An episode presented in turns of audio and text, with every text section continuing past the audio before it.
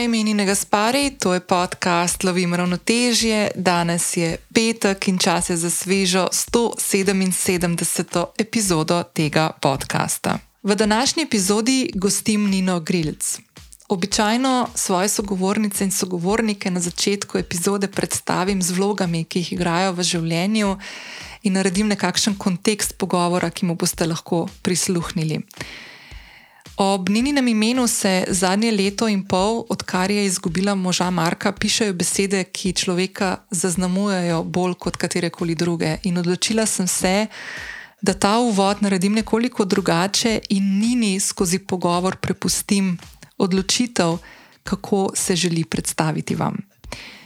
Je pa Nina Grilc ena od najbolj neverjetnih in močnih žensk, s katerimi sem imela priložnost govoriti in pogovor ujeti za podcast.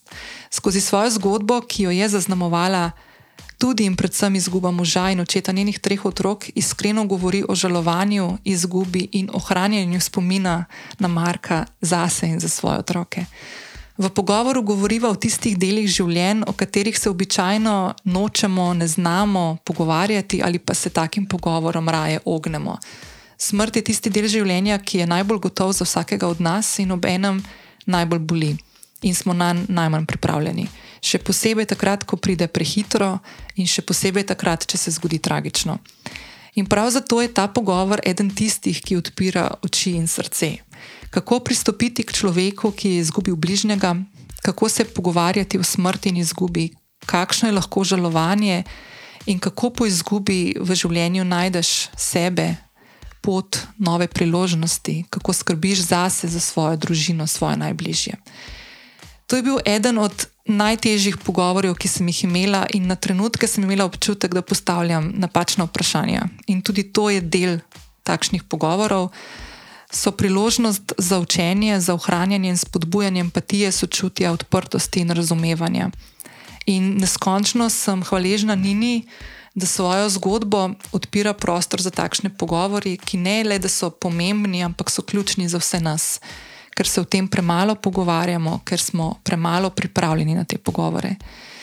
V zapisu epizode že lahko najdete vse povezave, prek katerih lahko Nino in njeno družino, pa tudi njene nove podvige, spremljate naprej. Jaz sem blazno vesela, da bo Nina v kratkem ponovno spet stopila na oder, Nina je namreč tudi pevka in jo bomo lahko spremljali, ko se bo od, kot ena od tekmovalk predstavila na jesenski izvedbi 61. slovenske popevke. Če vam je podcast Lovim ravnotežje všeč in ga radi poslušate, potem vas vabim, da se na, na mobilni aplikaciji, pri kateri poslušate ta podcast, tudi prijavite.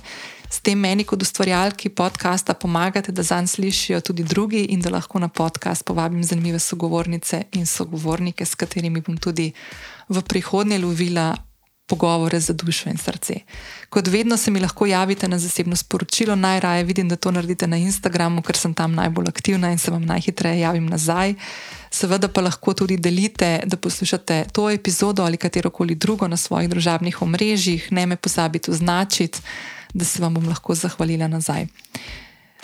Zdaj pa spoznajte, prosim, najbolj močno in najbolj nevrjetno žensko, s katero sem imela priliko govoriti za podcast Lovim ravnotežje in to je Nina Grilc. Draga Nina, dobrodošla na podkastu Lovim ravnotežje. Živijo. Živijo.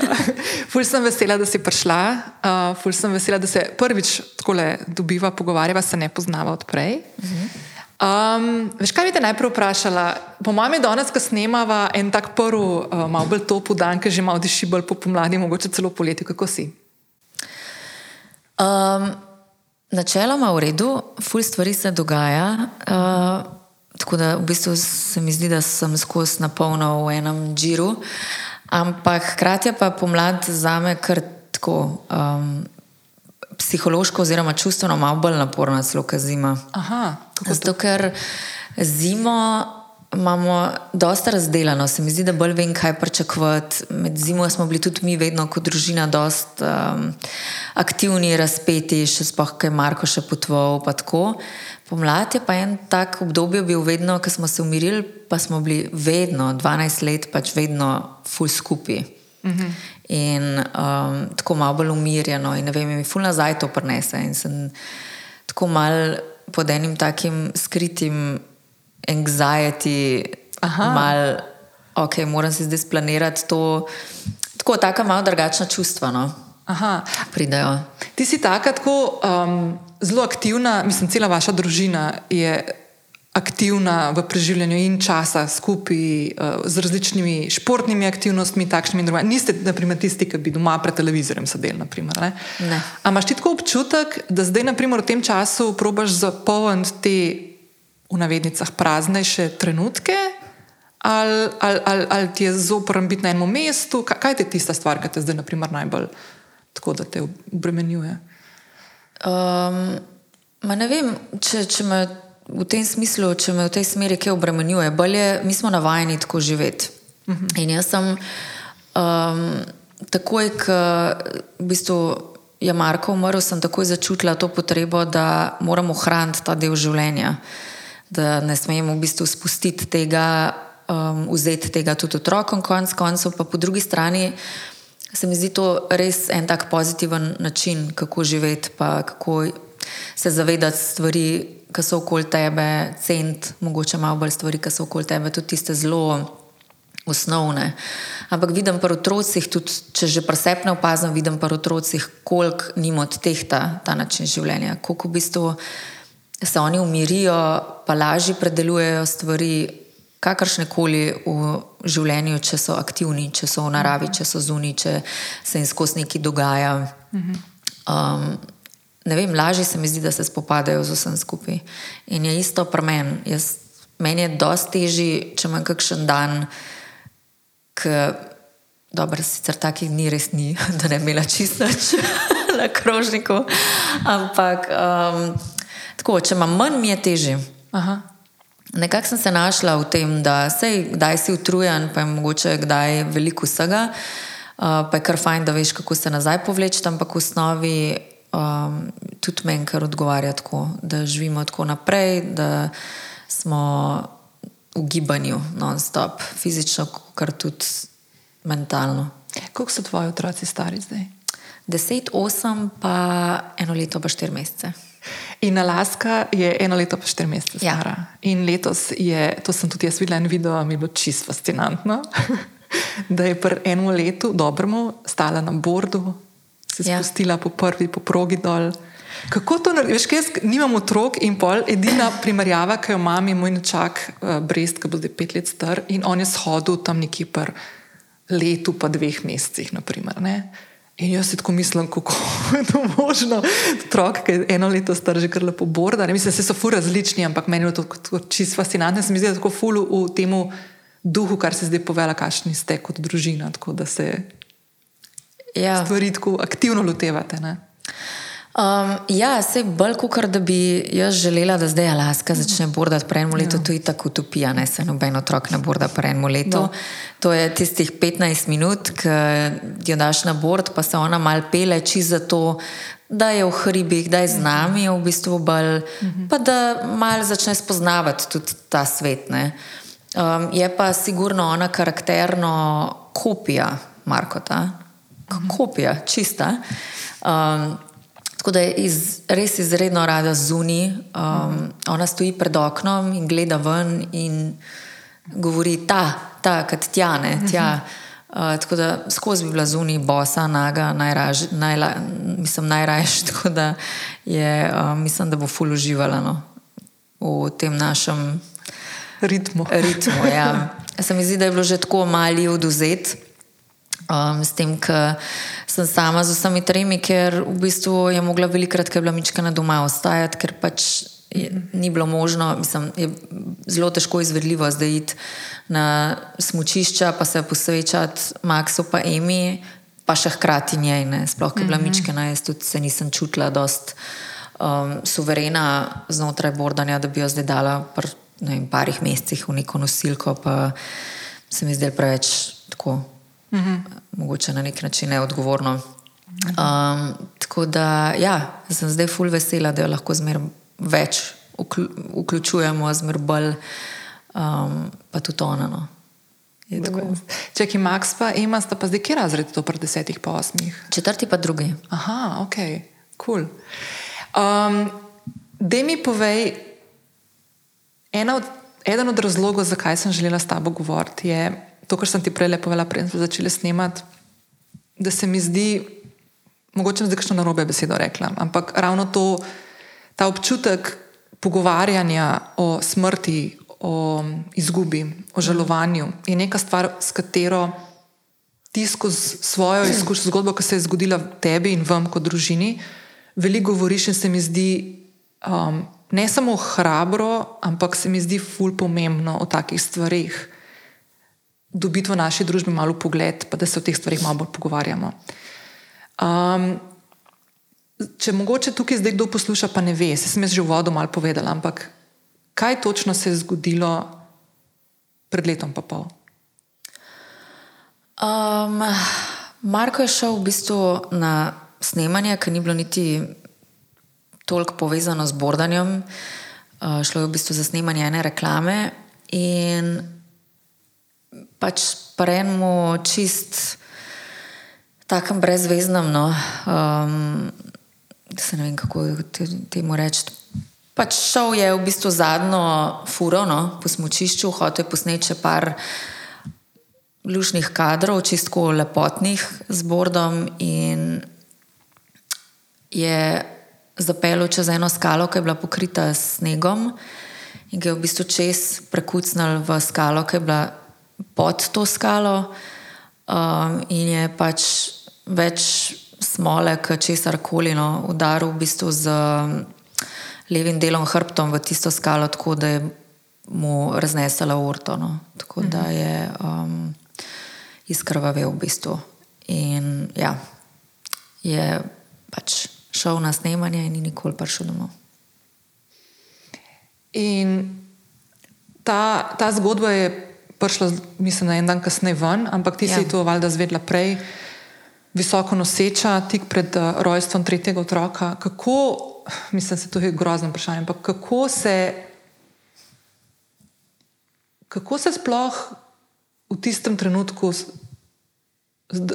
držiš, kako, kako to sploh obvladaš na čustveni ravni. Na... Uh, ne vem, če obvladaš, mislim, sigurno je to tako intenziven šok, da tvoj telo na večjih področjih enostavno zablokira. Jaz mislim, da tudi um, nekaj časa nazaj sem bila na policijski akademiji, ki se mi je zdelo ful lepo, da policaje v bistvu izobražujejo o tem, kako predaja take novice. Um, in smo imeli glih to temo, no, da pač kakšni ljudje včasih tudi čudno odreagirajo uh -huh. na take novice, ker pač enostavno možgani ne sprocesirajo tega. Um, tudi jaz, v bistvu, to je tako intenzivno, da to prihaja v bistvu za tabo valovih. Po moje, mislim, jaz ne vem. Po moje bo to prihajalo za mano do konca mojega življenja, v resnici. Mm -hmm. Ker jaz sem še zmeraj v fazi šoka, še zmeraj doskrat moram prav, spok zjutraj, kdaj se zbudim, prav premisliti, ok, se to res dogaja, a se to res zgodil. Um, tako da ne vem, če je to nekaj, kar čist mentalno lahko rečeš, ok, zdaj grem čez to, ok, zdaj. Sploh pri meni je bilo specifično, ker sem bila še noseča in po mojem tudi hormoni naredijo veliko. Pa ta čist živalski nagon, pač mame imamo ta živalski nagon, mi moramo vrvati svoje otroke in je pač primarni nagon, je pač točno to. Jaz sem vedela, da je pri meni bil Max takrat še po koncu. Jaz sem vedela, da bom mogla pač s otrokom čez par ur povedati to. In ker takoj, ko, bomo, ko boste stopila ven iz hiše, ljudje so vedeli. To, je, to je bilo pač zjutraj, ko ste šla na dve v šolo, so praktično že vsi vedeli. Um, tako da moja glava sploh ni bila tam na dejansko na tem, kaj se je zgodilo, ampak na tem, kako zdaj moje otroke obvrvati, pa pelati čez to, da bojo oni preživeli to -huh. na nek, če lahko na rekovajih rečem, normalen način. -huh. Ena od stvari, da mi to pove, a to na, na policijsko akademijo so te povabili oni? Ja, ja. Ja, in se mi je zdela res, um, res lepa gesta in lepa stvar in pomembna stvar. Ker tudi policaji so ljudje. ne, Mislim, da pač- policaji pridejo na dom, pa povejo. Ja, ne. seveda. Se Ne. tako, In pač si lahko mislim, da en del travme je to tudi njihove. Uh Mhm. -huh. um, sigurno pač tistim trem policajem, ki so meni prišli to povedati. Si lahko mislim, kaj vse ti gre po glavi, ko veš, da greš pač noseči ženski z dvema mehkima otrokoma povedati, da pač možana v nikoli več domov, tudi verjetno ni najlažja stvar. Mhm. Ne? Ej, to sem se pogovarjala z Davidom Zupančičem, zdravnikom. Ne? Uh, in je rekel, da ena stvar je tudi zdravnikom, ki je podobno, ne, ki imajo iz, um, veliko te komunikacije s pacijenti, po drugi strani pa tudi svojci. Ne? A veš, te prenašati te informacije je čist nekaj drugega nekomu, ki se mu to dogaja, pacijentu samo, kot naprimer svojcem, ki je čist na nek drugačen način in da v bistvu se zelo malo s tem ukvarjajo. Tudi v času izobraževanja zdravniki, pa koliko je to blazno pomembno. Ja, je. Jaz da. mislim, da je to ena, ena, en moment, ena točka, ki si jo sigurno zapomniš do konca življenja. In je zelo važen, kako je speljana, na kakšen način. Vem. Ti si imela to izkušnjo, je bila v redu, mislim, v redu, ima se grozen, ampak tako, ta tvoja izkušnja osebna s tem je bila tako. I- Ja, mislim, ja, v bistvu so bili ti policaji zelo topli in korektni in so se ponudili, da pridejo noter, da ostanejo z mano. Da, um, bolj sem bila jaz, po moje, ta čudna reakcija za njih, verjetno. Um, ker pač, ja, se pravi, ljudje smo različni. Jaz nisem navajena svoje čustva tako odprto kazati, in um, moja reakcija je bila pač. Da, enostavno, da lahko grejo, ker v tistem trenutku nisem videla noben, nobenega plusa, da ostanejo. Uh -huh. Ker jaz sem vedela, da v tistem trenutku jaz padla na tla, pa se zlomila ne bom, ker imam pač osem let starega sina, ki sedi na posli in gleda, kaj se dogaja. In pač nisem si želela, da zve na tak način. Tudi on. Ti si potem se ful obdala z ljudmi. Ne? Ja, mislim, Um, mislim, do neke meje. Ja. Do neke točke. Ne? Si bila, je bilo kar veliko, mislim, si imela ta podporni sistem okrog sebe razvit. Kaj je bilo tisto, se zdaj za vsakega, tako kot si parkrat že rekla, je drugačne, ampak kje so tiste stvari, ki so tep takrat v tistih prvih dneh, pa potem, kmalo potem je prišlo še rojstvo Alaske, ki si jih najbolj čutila, da jih rabaš, pa so ti takrat res ful velik um, pomenile čisto za enega človeka, ki se znajde. Sej, ali pa, naprimer, mogoče, ali bi bilo kakšno vprašanje, kaj rabaš, uh, kaj, kaj je bilo, kako, kako je dobro pristopati k takim stvarem, no? k takim situacijam. Um, ful je individualno, to je tako težko reči, zdaj posplošiti karkoli. Pri meni mi je bilo važno to, da čutim, da imam okrog sebe močne ljudi. Uh, jaz res nisem rabila v nobeni točki, v bistvu ljudi, ki bodo z mano jokali, um, ljudi, ki bodo mi govorili, kako je grozen, kako je ne vem kaj. Jaz sem dosti realen človek sama po sebi, jaz vem, da je to grozen. Jaz sem vedela, kaj to pomeni za moje življenje. Hkrati pa mislim, da se noben ne more poistovetiti s tem. Noben ne more se spustiti na ta nivo te bolečine in te v bistvu praznine, ki jo čutiš noter ob taki izgubi, razen mogoče tisti, ki grejo čez isto stvar, pa še to vsak to doživlja tako individualno. Da, tako da jaz sem res rabila in bila fulh hvaležna za ljudi, ki so mi v tistem trenutku pokazali podporo na način, Nina, nisi sama, mi smo tle in karkoli bo, bomo zrihtali skupaj. Mhm. In to je bilo tisto, kar sem pač jaz res rabila v tistem trenutku, kar v bistvu najbolj cenim in rabim v resnici še, še vedno. No. Mhm. Ta občutek, da nisi sam. Mhm. Ampak tako pristno, ne, sam, ne, ne samo besede, ampak da res veš, da imaš nekoga, ki se lahko na ga zaneseš. Mhm. Pa tudi otroci, tam se spomnim, ker ene dve osebi jaz tudi poznam, ki sta bile ta del, ožji del okrog. Da so tudi otroci imeli svoje svo, svo vrstnike, Ja. da so se lahko družili, da so se lahko. igrali, zamotali, da so bili v nekem upeti v neka ta svoja socialna okolja, konc koncev. ne. Ja. Mislim, ena izmed teh mojih prijateljic, ki mi je res um, najbližji, ki je pač energetska, pozitivna bomba v vseh pogledih, um, je, moram reči, da tako na začetku nisem niti opazila, da ima tudi kar nekaj karakteristik podobnih z Markotom.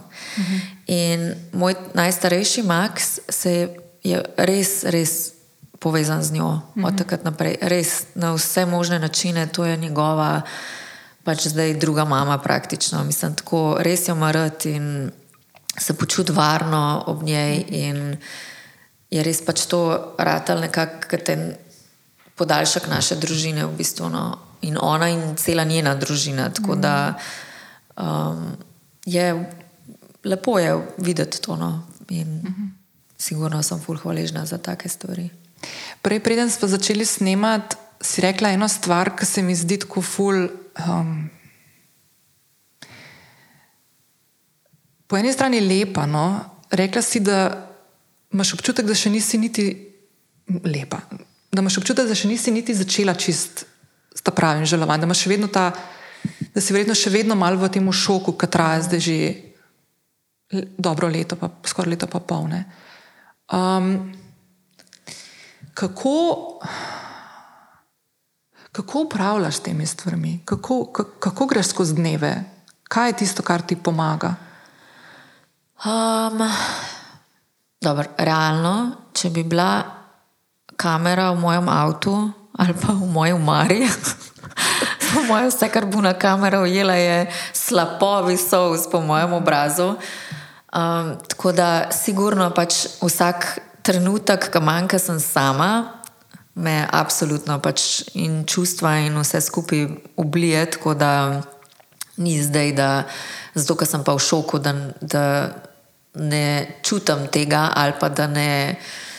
Um, Da ne izražam tega na noben način, je pa res, da mi je lažje to delati v nekem mojem osebnem prostoru, ker sem sama. Uh, ne čutim take potrebe, da bi zdaj vso to bolečino izražala uh, verbalno, še zaenkrat.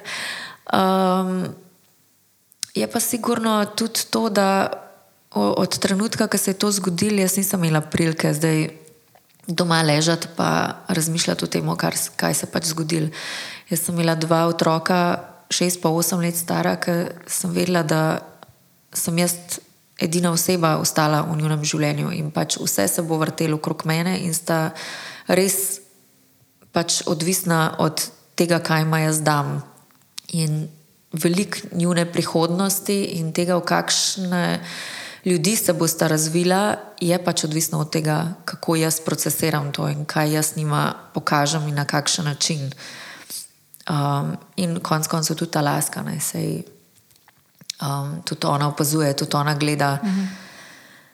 Um, tako da so dnevi polni, ampak hkrati pa sem tudi fulh hvaležna na nek način, ker se mi zdi, da je glih to mogoče to, kar je mene uh, spravili do te točke, v kateri sem zdaj, da pač lahko funkcioniram, da lahko pelem življenje, da imam nek pozitiven pogled na stvari, veliko bolj kot negativen. Um, glih moji tri otroci in posledično tudi ta laska, ker pač mislim, da če ona ne bi prišla glih v tem trenutku, pač te tri tedne potem, bi imela veliko več manevrskega prostora, da se sesujem. Mhm. Tako pa no, to je en čakrap, vse. um, Deva je tako ful nazaj, ful, ful nazaj, v Nino, ki je bila mehna. Uh, okay. Da mi povej, kako mal, um,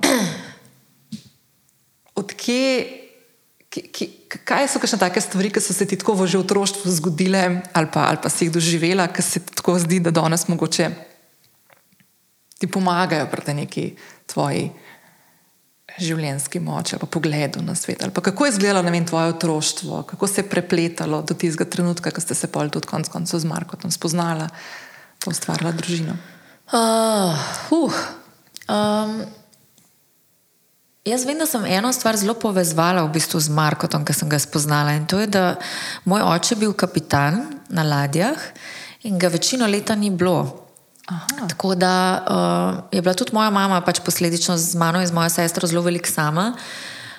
In ko sem spoznala Markota, vem, da je bilo pravno.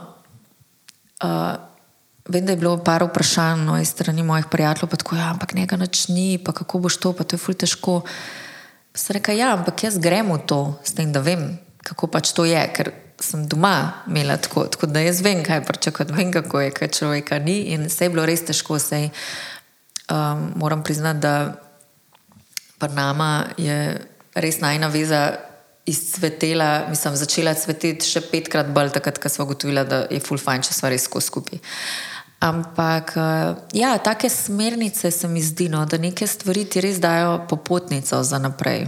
-hmm. Pa hkrati tudi na zanimiv način mogoče vplivajo tudi na tvoje odločitve v prihodnosti. Ne vem, sigurno da, ampak psihološko, jaz sem bila pa vedno dosta trmasta, izredno nevodljiva. Samo svoja. Samo svoja, ja. Um, tako da to upam, da se mi ne bo v tej meri vrnil um, uh, skozi moje otroke. Ampak ja. Uh, se mi zdi pa, da sem zelo izživela svojo mladost. No, Zdaj, ko pogledam nazaj, absolutno nimam nobenih obžalovanj za karkoli. Uh, pač, tako, živela sem pa tako življenje, 80% vseh punčk, se mi zdi, smo trenirali balet, pa gimnastiko, pa pele smo. Pa, tako no, pač. Kot mehki punčki, ne morem reči, da se mi je kaj prav ekstremno zgodilo. zgodil, da bi rekla. Hmm. Čeprav ta povezava zdaj z očetom, ne, kapitanom, je res kot prav fascinantna, ker sem pa na obali. Mi smo se, ko sem stara 12 let, iz Ljubljana na obalo preselili in tam je bilo kar veliko takih družin, ki sem jih jaz poznala pol iz eh, razredov, ki so imeli očete na ladjah. Ja. Tako da sem, ker tudi takrat tega nisem niti. Ne vem, če sem kdaj to prej opazila ali doživela, tako kot smo šli v Ljubljani. Že mi je fully zanimivo, no, da, da je pri tebi. Ti si v Ljubljani odraščena. Ja, ja, ja, ja. ja. To je bilo nekaj takega, predvsej samo po sebi umevnega dol na obali, no, se mi zdi. In je bilo tudi veliko teh žensk, ki so bile same, pa so potem očetje prihajali po par mesecih. Oh, ja, um, zanimivo življenje je, sigurno. Uh, sem pa jaz v bistvu s tem, ker sem imela priliko parkrat biti z njim na teh ladjah, pa potvati okolje, mogoče dobila tudi to širino, pa ljubezen do tega, ki bi pač seveda absolutno rada zdaj prenesla tudi na najne otroke. No. Tudi Marko je prepotoval toliko v življenju in imel toliko enih zgodb in izkušenj. In se mi zdi, da s tem otroci res, če imaš to možnost, um, dobijo res eno širino in en malo drugačen pogled na svet in na ljudi in vse skupaj. No. Ker ste se videli z Markom spoznala, koliko ste bila stara? 23 pa 25. Aha. Mislim samo to, da naprimer, imaš ti. Ja. Ja, to so tako, pa to mlada leta. Ja, ja. Ali 24, pa 26, ja. se ne vem. 2-9 sem se spoznala, mogoče da sem se malo zlagala. Dobro, ok. Ampak. Ne, tako razmišljam, veš, tako. Um, Mislim, po mojem, ni glih lahko, ne, da tako spoznaš enega fanta, se ful zacopaš, zelo ljubiš vada. Ne in pa ga ni. Ne? To mora biti, ko, mislim, mora biti neka taka fulmočna. Ali si ti, ne, pa ne mislim samo svojo, tako v tem smislu, ampak prepričana vas, samozavestna oseba, veš, kdo si. Ta, ta, ta, to, kar bajdo jaz pri 24-25 nisem bila, definitivno, zdaj malo posebej sodom. Um, in po drugi strani, ne, da imaš to močno vez, da tudi če ga ni ob tebi, tudi če niste skupaj, imate še vedno to bližino med, med vama. Ne? Ja, čeprav. Sej zmotno se mi zdi, da ljudje mislijo, da je vsaka veza kar neko uh, smooth sailing, če lahko tako rečem, ne? linearno ja. in da je vse super, celo vezo. In tako da ni. Pač veza je tako, kot vsaka druga stvar, terja trud, um, pozornost, so usponi, so paci. Bolj, ki si strasten en do drugega, bolj je dinamična, ne? večji so ti paci in usponi. Um, važen se mi zdi, ker je težko. Je, Ti v bistvu spoznaš pri eni starosti, ker si že formiran, ker si že oblikovan do, nek, do velike mere. Spoznaš enega drugega človeka, ki je sigurno 50% stvari čist drugačen kot ti. Uh -huh. In zdaj moš tega človeka v bistvu spustiti v svoje življenje do te mere, da si pač non-stop skupaj, da se, moš, da se usklajuješ en z drugim, da, mislim, da, da praktično res rataš eno skoraj. In je težko včasih, pač ni vedno -huh. simpel. Zato tudi traja nekaj časa, da prideš do tiste faze, ki se tako dobro poznaš, da veš, da brez da kdo kaj pove, veš, kaj se dogaja in lahko predvidiš situacije in ne odreagiraš na vsako od njih. Um, in takrat se mi zdi, da je pol res ekstra lepo. Je pa res, da pač vsi ljudje ne sfolgajo do te točke. Um, tudi otroci so sigurno ena taka preizkušnja. Jaz vem, da tudi mi dva sva imela, dva majhna otroka. On je mahal s tistimi kufri, jaz enega na joški, drugega žlica v ustih, oba posrana, mislim, to je. Kruta realnost. pač tako je. Ja. Uh, tako da daleč od tega, da zdaj pa 24 si pa tisto, oh, to je pa ljubezen mojega življenja in je vse v rožcah od takrat ja, naprej. Ne? To sigurno ne. Tudi najni začetki so bili zelo burni. Ne? Mi da se je spoznala 2-9, oba, taka egocentrika, da boh se smile. Uh, se spomnim, da so šla pol na ene tretji zming, on je bil takrat na res vrhuncu zmagu, tisti Eren Style. Uh, pa je rekel, veš, sam jaz pač ni, ne bi imel zdaj veze. Sem ga zgledal, vse ka. Ljubček moj, jaz se selim v London, ti jaz gledam, da mi je smela veza. In je polno, malo šok, malo ti so awkward. Okay. In so se pol v bistvu skoraj dve leti tako dobivala, samo, ker je bila prilika, ker so bila na istem mestu. Nisa bila tako že od štarta, oh, zlepljena. Zlepljena, ja. Ampak, da so bila stara, po moje, pa da so imela tudi izkušenj znotraj tega, da smo da se nam tudi ni mudil, ni bilo zdaj uno, oh, zdaj pa rabim biti v vezi z nekom, bila so si pa absolutno full všeč. Uh, tako da pa je pa počasno. Počasi se je pol začel nadgrajevati, da bi šla ti mogoče za tri dni z mano na morje, Aha. pa pol pijani klici iz Avstralije, da ste v fulerat. Tako pa se je počasi nadgrajeval do pač te točke, da, um, da je pol on v sobi 50 ljudi, pač na znano, da sem videla par, brez da bi to seveda vedela. In s tem si zagotovil mesto v mojem življenju. Um, je bil kar tak, ja. ker neki hotel, se to mi je tudi povedal, ko so se spoznala. Tako zelo odprto je rekel, jaz kar nekaj hočem, to dobim. Aha, ok. Tako da je bil kar suveren, kar se tega tiče. Um, kar sem bi mislil. Pa, ampak na tak. Ne na posesiven način, ja, ampak sploh ne. Prijeten, ja. Jaz moram tudi reči, on je bil tip, ki je bil tako.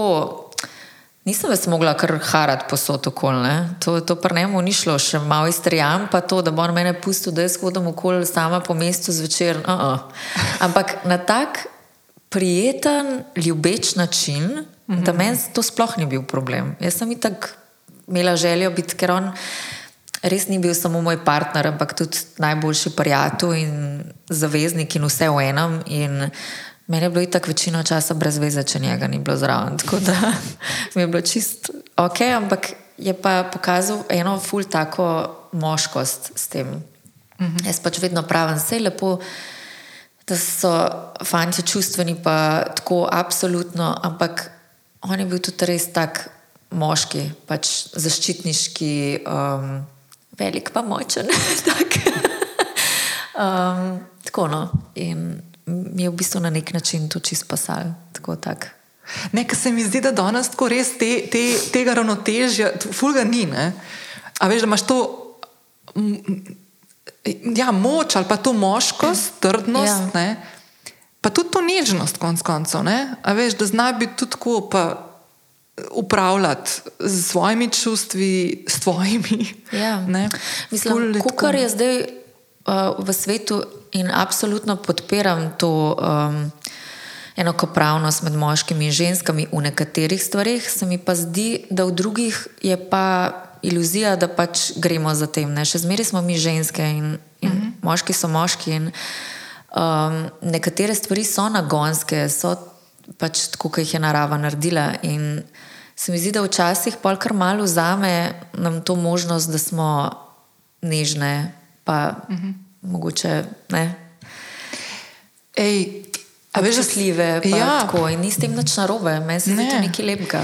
Ej, a veš, da sem jaz po mojem ene dve leti nazaj prvič preseptko čutila to svojo, mislim, jaz sem se vedno počutila žensko, svojo, ampak sem bila malo tako zagojena, veš, tako moraš zase poskrbeti, moraš znati sama sebe. Ta, ta, ta. Vse lepo in prav in se strinjam tudi konc koncev s tem, ampak se mi zdi, da sem tako zgubila, ta, oziroma ne zgubila, nikoli nisem vzpostavila, naprimer jaz konkretno presep nekega tega občutka, da spustim koga dosti blizu. Da, da pokažem to svojo ranljivost, ženskost. Jaz se sama presep nisem znala najti. In zdaj, šele zadnji dve leti, imam prvič ta občutek in mi je ful lepo. Ja. Tako ful, ful lepo. Pa, a veš, Se mi zdi, da kar malce se zgubljajo te vloge, pa, pa vse lepo, da si samostojen, pa to. Pa, pa se ne misli, da sem samostojen, pa trden, pa močen, pa to, vse lepo in prav. Ampak to se mi pa zdi, da malce mal se zgubljajo te čiste primarne, primarne vloge. Ne? Ja, ker mislim, pri nama vse, mi dva sva bila oba stebra, ne? kljub temu, da sem en za drugega govorila, da je pač moj steber. Ne? Ampak jaz sem bila njegov v smislu družine, te celice pristana. Ne, ja, pač jaz sem že poskrbela za te stvari, ki so, ampak njegov najbolj tak standard stavek je bil: Don't you worry about it, baby, imam to. Ne. Se mhm. pravi, uh -huh. kadar je bilo kaj, kar mene skrbel, je on meni vedno dal jasno vedeti, da ne rabim skrbeti, ker bo on poskrbel za me in za to, da bo vse ok. In ta občutek je bil v bistvu full lep in s to njegovo moškostjo in s tem mi je dal ta občutek varnosti in tega, da se jaz v bistvu, če se rabim, lahko naslonim na njega in da vem, da bo en tudi za me poskrbel v smislu, da mi bo nudil to varnost, pa ta občutek, da, da imam nekoga, ki je stoprocentno za mano. Mhm. In je to res ena tako velika stvar, ki jo pogrešam zdaj, ker imam občutek, da se ne morem več spustiti na ta nivo krhkosti, pa v bistvu tudi ženskosti včasih. Pa če jaz moram zdaj harati in ni, ni prostora za to, ker ni nobenega za mano, ki mhm. je backup plan. v bistvu, Omenila si 2-9, pa bomo prišli še nazaj do tega, kar si zdaj končala. Omenila si 2-9, pa London. Ti si se preselila v London leta 2009. Ja. ja? 2010, pa v bistvu je začetek. Ne, okay. 2009, tam nekje. Ja. Kako to, da si šla?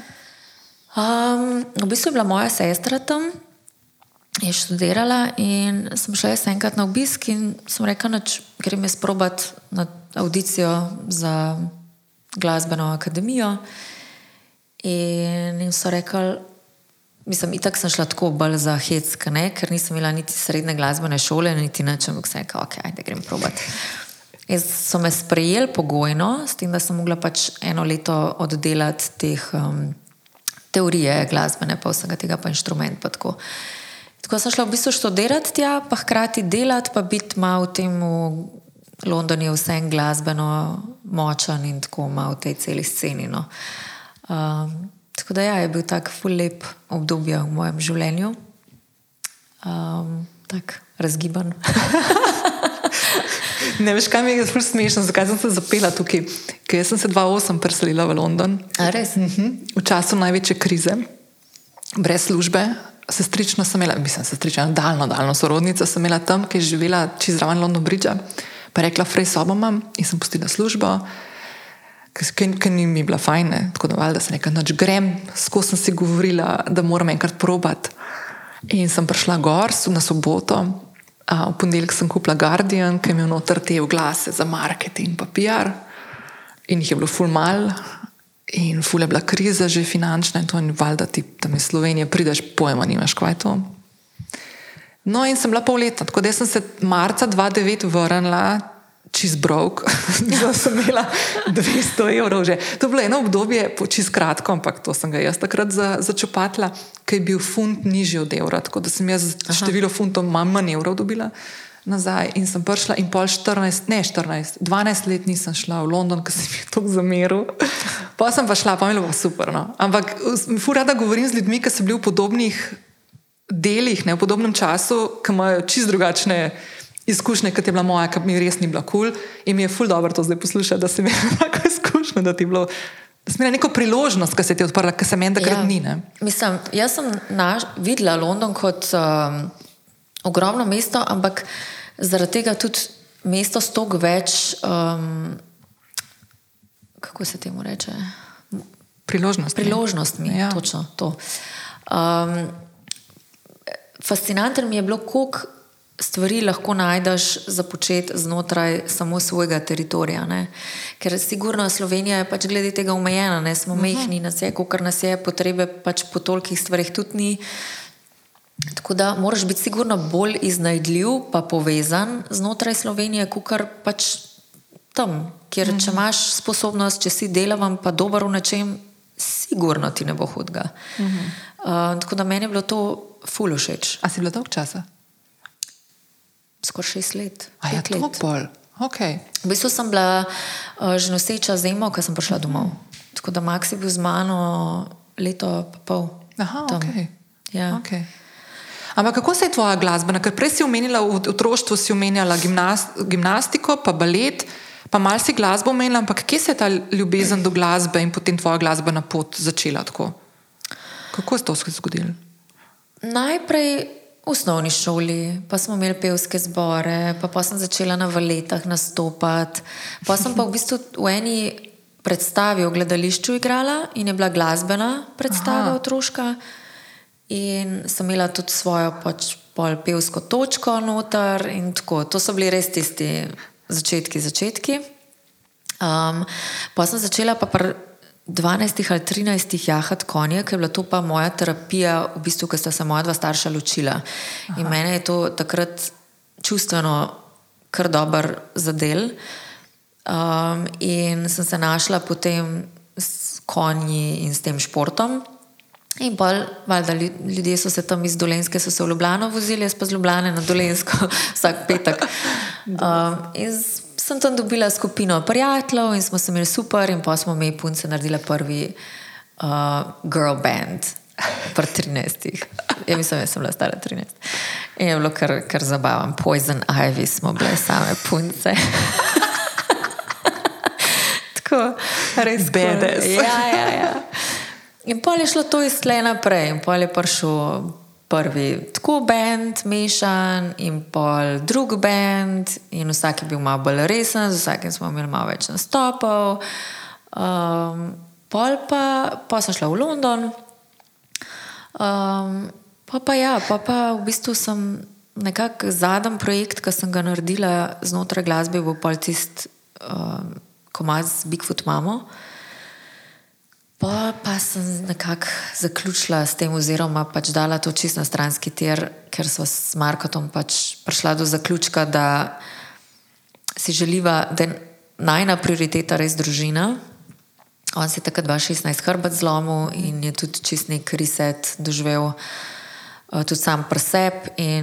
Tako da sem jaz pa v bistvu svoje življenje res prilagodila temu, da smo bili mi res skupaj. No? In sem uh mhm. -huh. začela bordati, in smo začeli posod skupaj hoditi. Vse tako, kot sem rekla prej. Vsak del življenja se mi zdi, da je bil lep, poseben, obžalujem pa niti ene stvari. Tako, ko pogledam nazaj, res.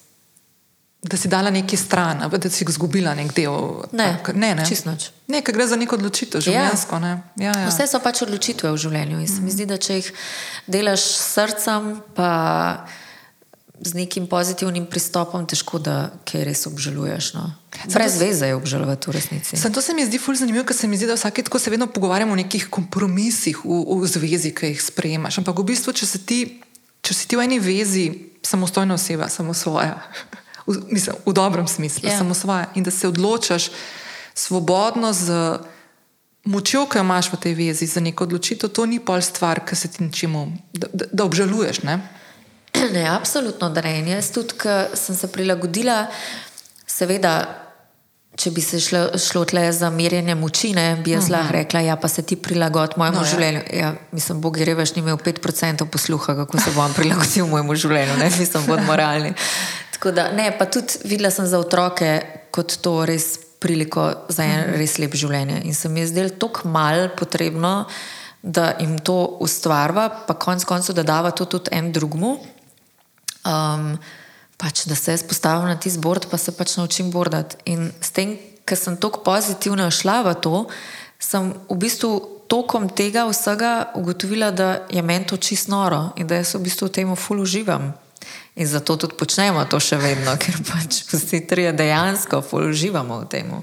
Čakaj, ampak ti si borda začela, full pozna, si že kdaj Zemo skupaj. Zemo, ja, ne? 2018. Hudo. Tako da ima je pol vedno, tako kot rečem, pa da je imica probi, je ti probi, greva skupaj. Tako da pa me vedno porin v take situacije, ki sem tako, oh moj bog, sem da to preživim res. Ampak ja.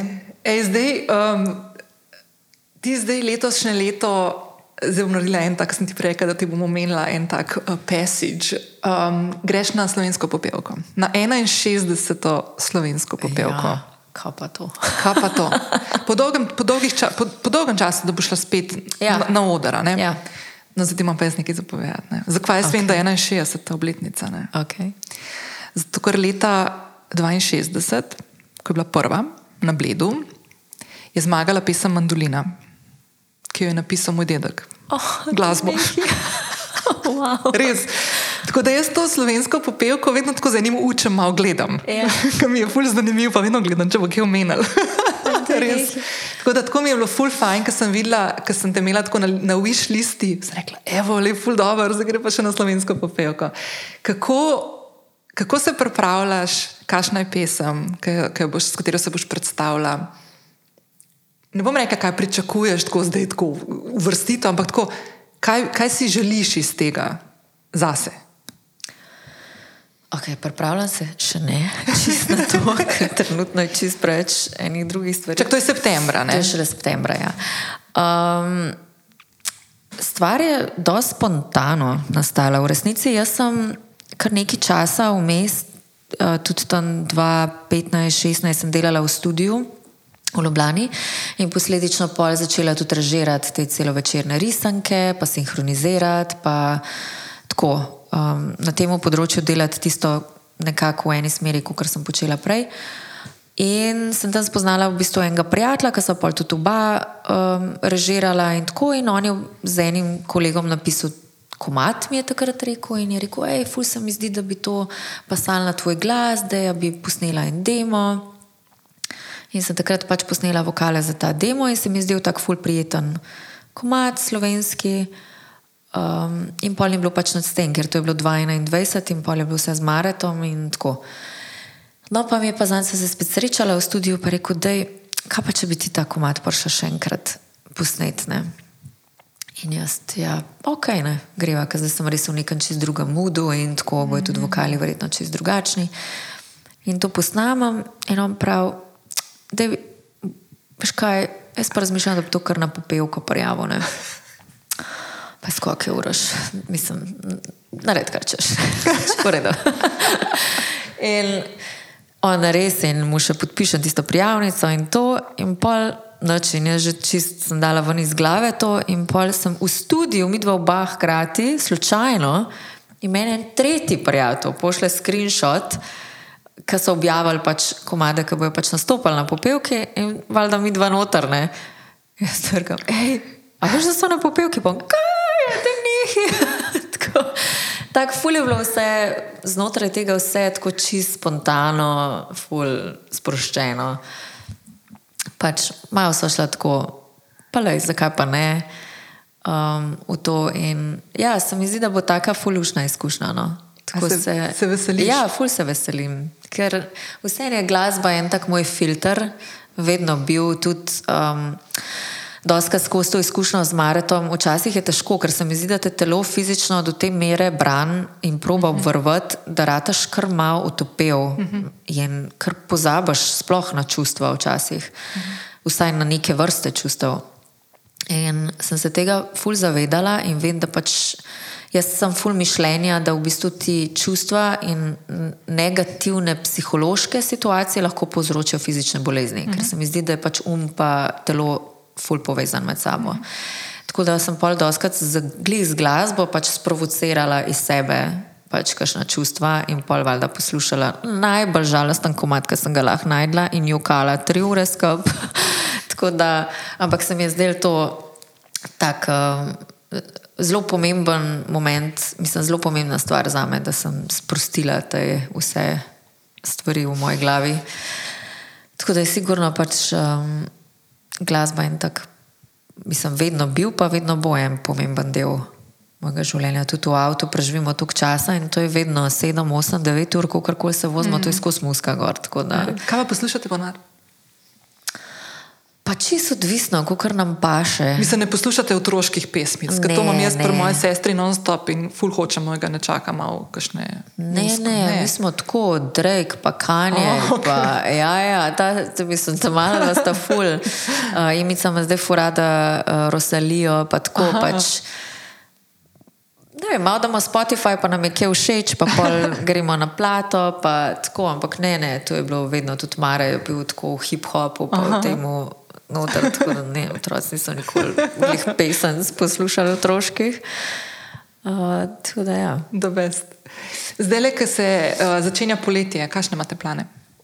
Boste kam šibali? Zdaj, le maj je kar intenziven. Bil za nas, zdaj smo bili na, mislim, je za nas, no, zdaj smo bili na Norveški, jaz sem, bila, mm. sem včeraj prišla z Berlina, zdaj imam desetega operacijo roke, mm. mm. ker sem si tetivo strgala. Um, tako da vsi ti moji plani s kolesarjenjem. Malo bojo bo drugačni. Bojo mečka mogli počakati.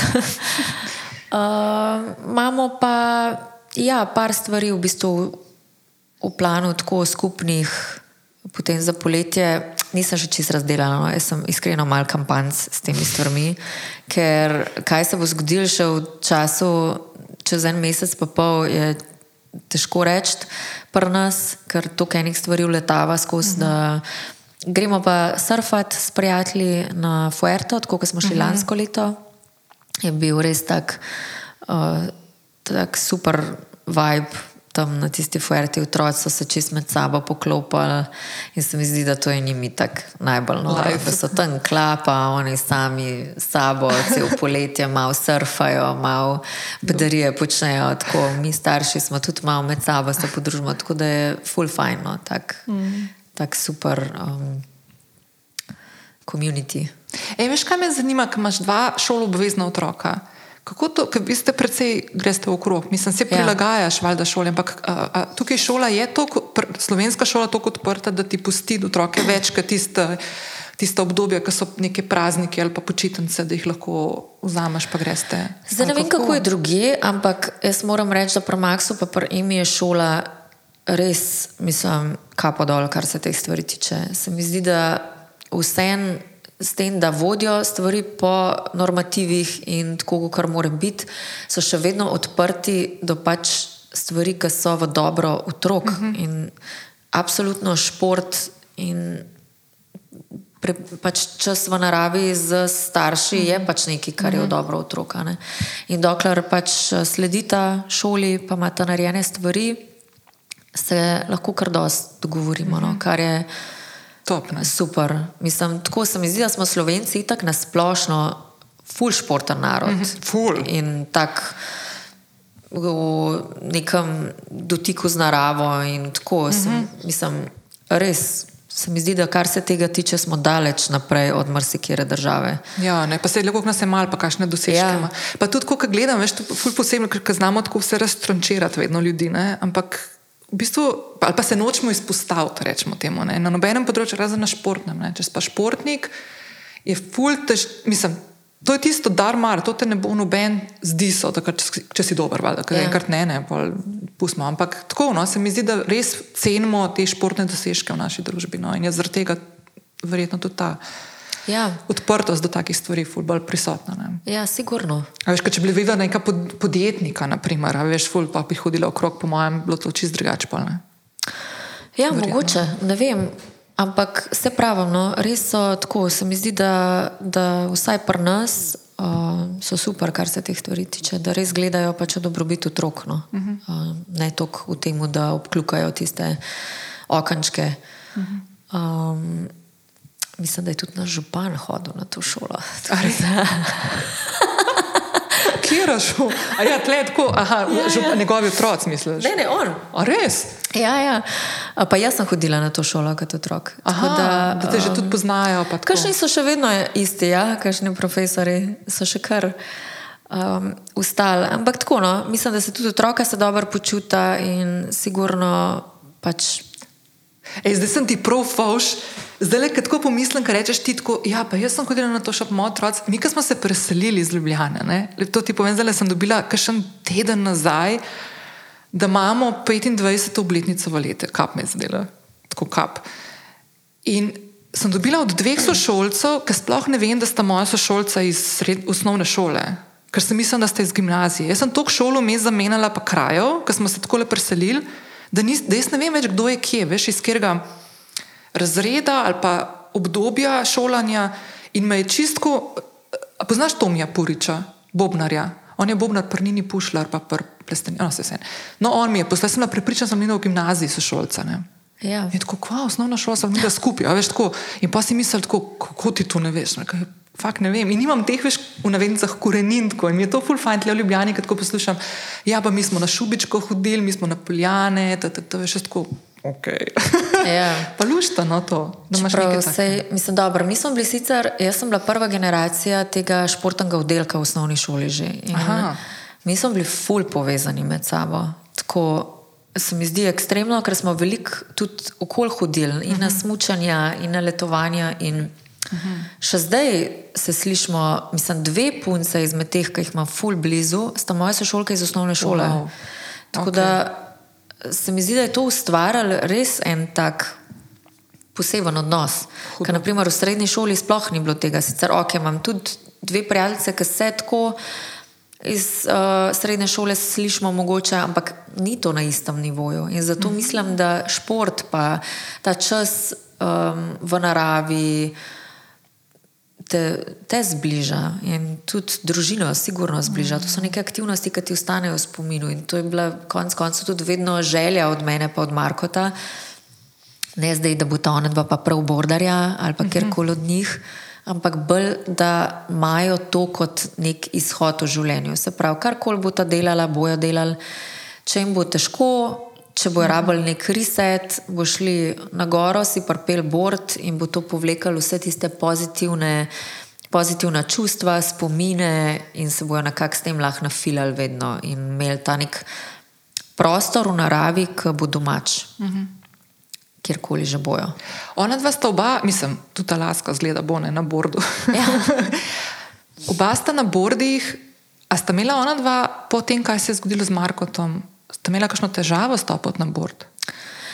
Ne stopiti na bord, ampak uh, zelo različno procesirata. Ima definitivno ima problem tem, s tem. Uh mhm. -huh. Ne da noče bordati, ne da ji ni všeč, ampak to je bilo res izrazito. Marko je imel skozi, bord, skozi uh mhm. -huh. bordanje res en poseben odnos z njima. In uh mhm. -huh vedno je bil tako zelo zabaven, to je, nima je bil žur ta bordanje z njim. Hkrati pa niste sploh vedela, da se karkoli učita ali pa da napredujete ali karkoli, ker ona dosta sam pač njega posnemala. Ne? Del igre. Ne, ja, mhm. in zdaj sigurno je to pač čist drugačno. Mislim, pol časa jaz lovim njiju po smočišču, pa se deram, da me počakata, mislim, kaj tako mi sledim. Ne? Tako da je čist drugo. Ne? In pač ima ni tako dovzetna za te spremembe. Uh -huh.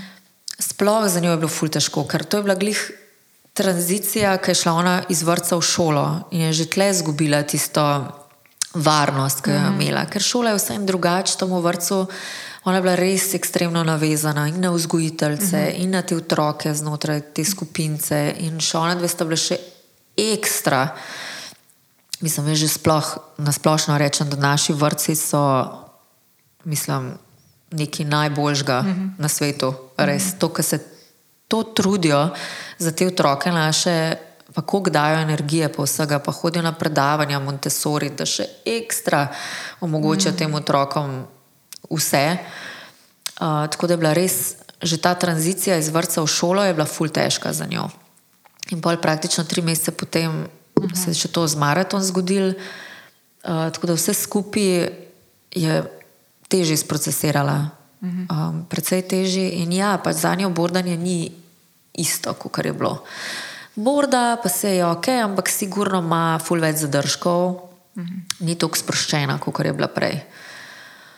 Zdaj bomo videli, ali bo še kdaj tako sproščena, ali bo zdaj to v interesu, ker ona je zelo tekmovalna. Prej je bilo tako, da je šla na bord in boh ne da, da je bila kakšna punčka boljša od njene. Zdaj bo išče neko zavezniško um, smer znotraj tega, tako da je ful vesela, če je kakšna punčka, da lahko znowboarda. Um, Ko gre recimo Ana Gasar znowboardati, je uno, ok, poj, poj ful za dogaja. Tako, ko gre pa z mano, je pa pač ok, gremo, ampak ni pa ta skupaj, ki je bil prej, to pa absolutno ne. Se je pa ful našla zdaj v gimnastiki. Oh, Se mi zdi, da je mečka naredila tranzicijo iz bordanja na gimnastiko. In je čist, mislim, trikrat na teden, po dve ure, polje zdaj prosila še to trenerko, če ima lahko še četrti dan tekme. In potem zdaj še ta edini dan, ki je imela Frej, se je zdaj še v šoli zmenila, da je imela gimnastiko, wow. v šolski gimnastiki. Čist, ona je prav taka, no? ona kar za neki zapne, hoče biti najboljša in hoče vse doseči znotraj tega. Max je pa čist drugo smer obral. On pa je, po moje, desetkratno zdaj na to bordanju, kot je bil prej, ki je bil mare. Ker se mi zdi pa, da, da bi se mu hotel na nek način skozi to približati, uh mhm. -huh. pa mu biti mal podoben. Pa, uh mhm. -huh tako zelo prevzema to njegovo vlogo na nek način. Mal tudi, ful sem mogla predelovati to, da je Marko šel, mu je rekel, zdaj pa ti gazda do krmenine. Aha. In ga moram ful nazaj držati, pač ne, le ti si otrok, tle, kalma, ne, Ni, nimaš nobenih dožnosti in tako. Ampak sam po sebi, pač zdaj on edini fant v družini in tako. In pač ja, znotraj tega krno, tudi v bordanju, doskrat, pejta vidve za mano. Imam jaz to, jaz vem. Ampak ima pa ful veselje do bordanja. Tako res, zdaj ima tudi željo, da se malo izpopolne znotraj tega.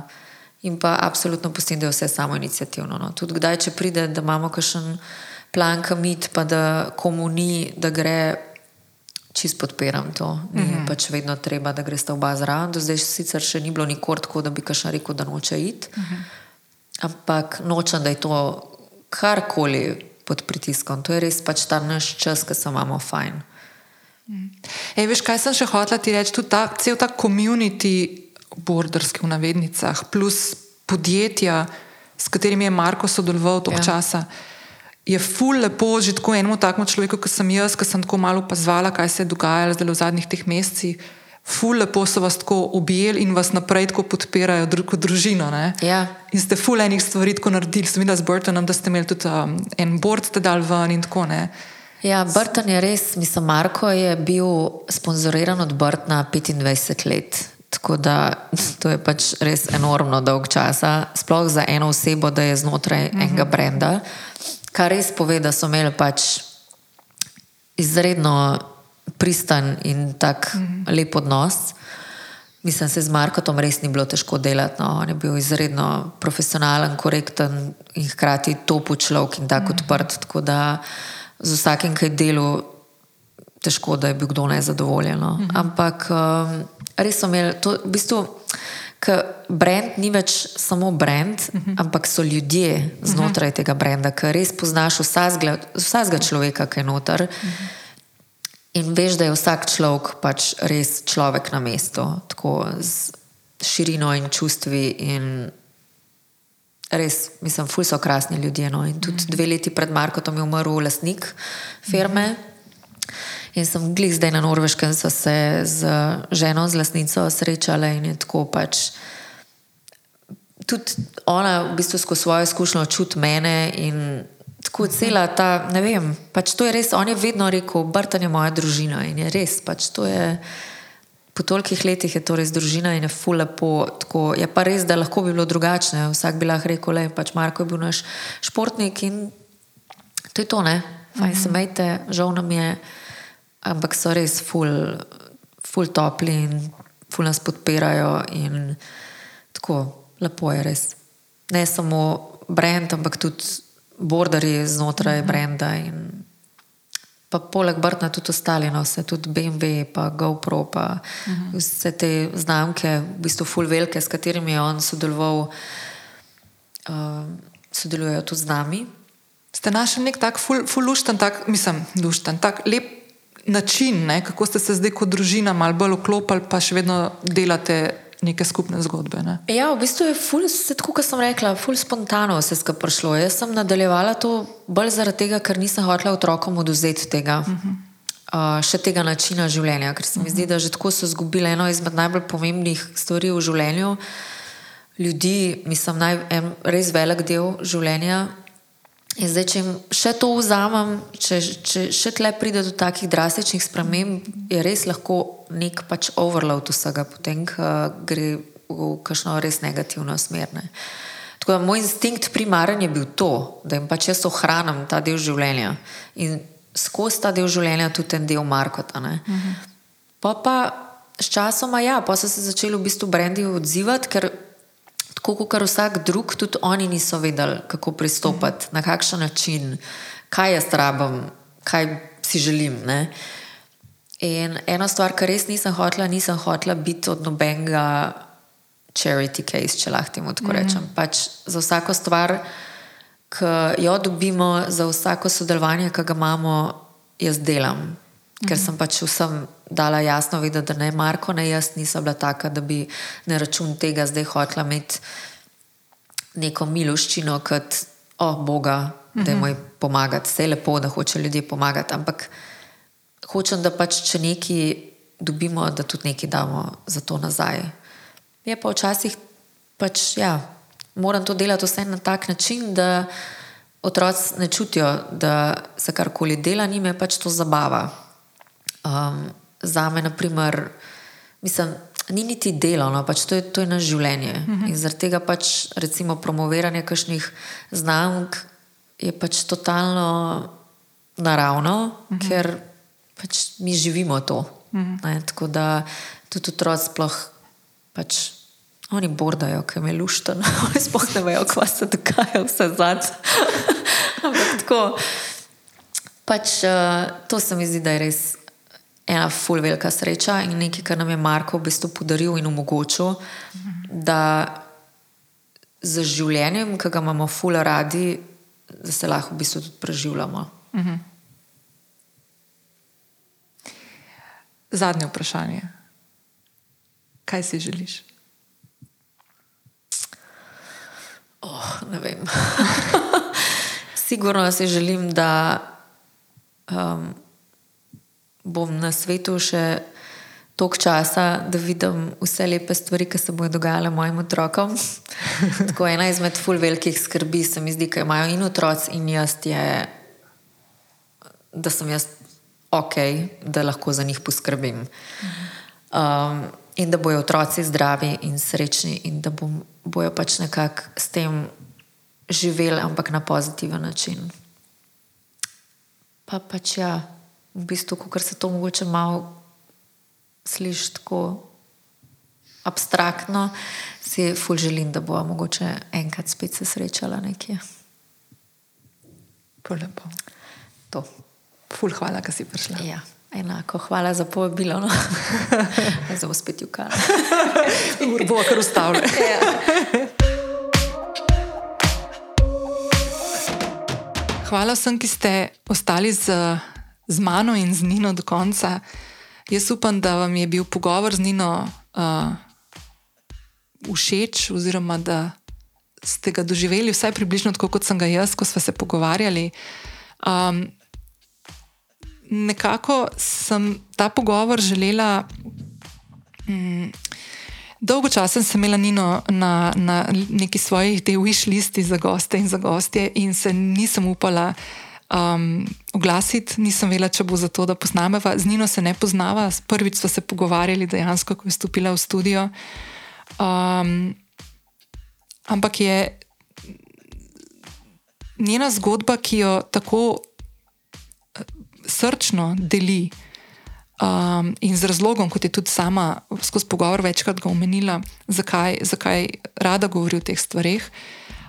Se mi je zdel pomemben, da ga ujamem tudi v podcast, lovim ravnotežje, ker se mi zdi, da se, vsaj če sodim po sebi, res, res ne znamo pogovarjati o teh stvarih, um, ne znamo se pogovarjati o smrti, o izgubi, o žalovanju, ne znamo pristopiti k ljudem, ki so izgubili pomembne ljudi v svojem življenju. To lahko jaz povem iz čisti svojega zornega kota, da sem imela vedno s tem težavo da ne znam pristopiti in zelo s težavo se tudi odzovem nazaj, ko imam v življenju nekoga, ki sem ga izgubila in prejmem um, um,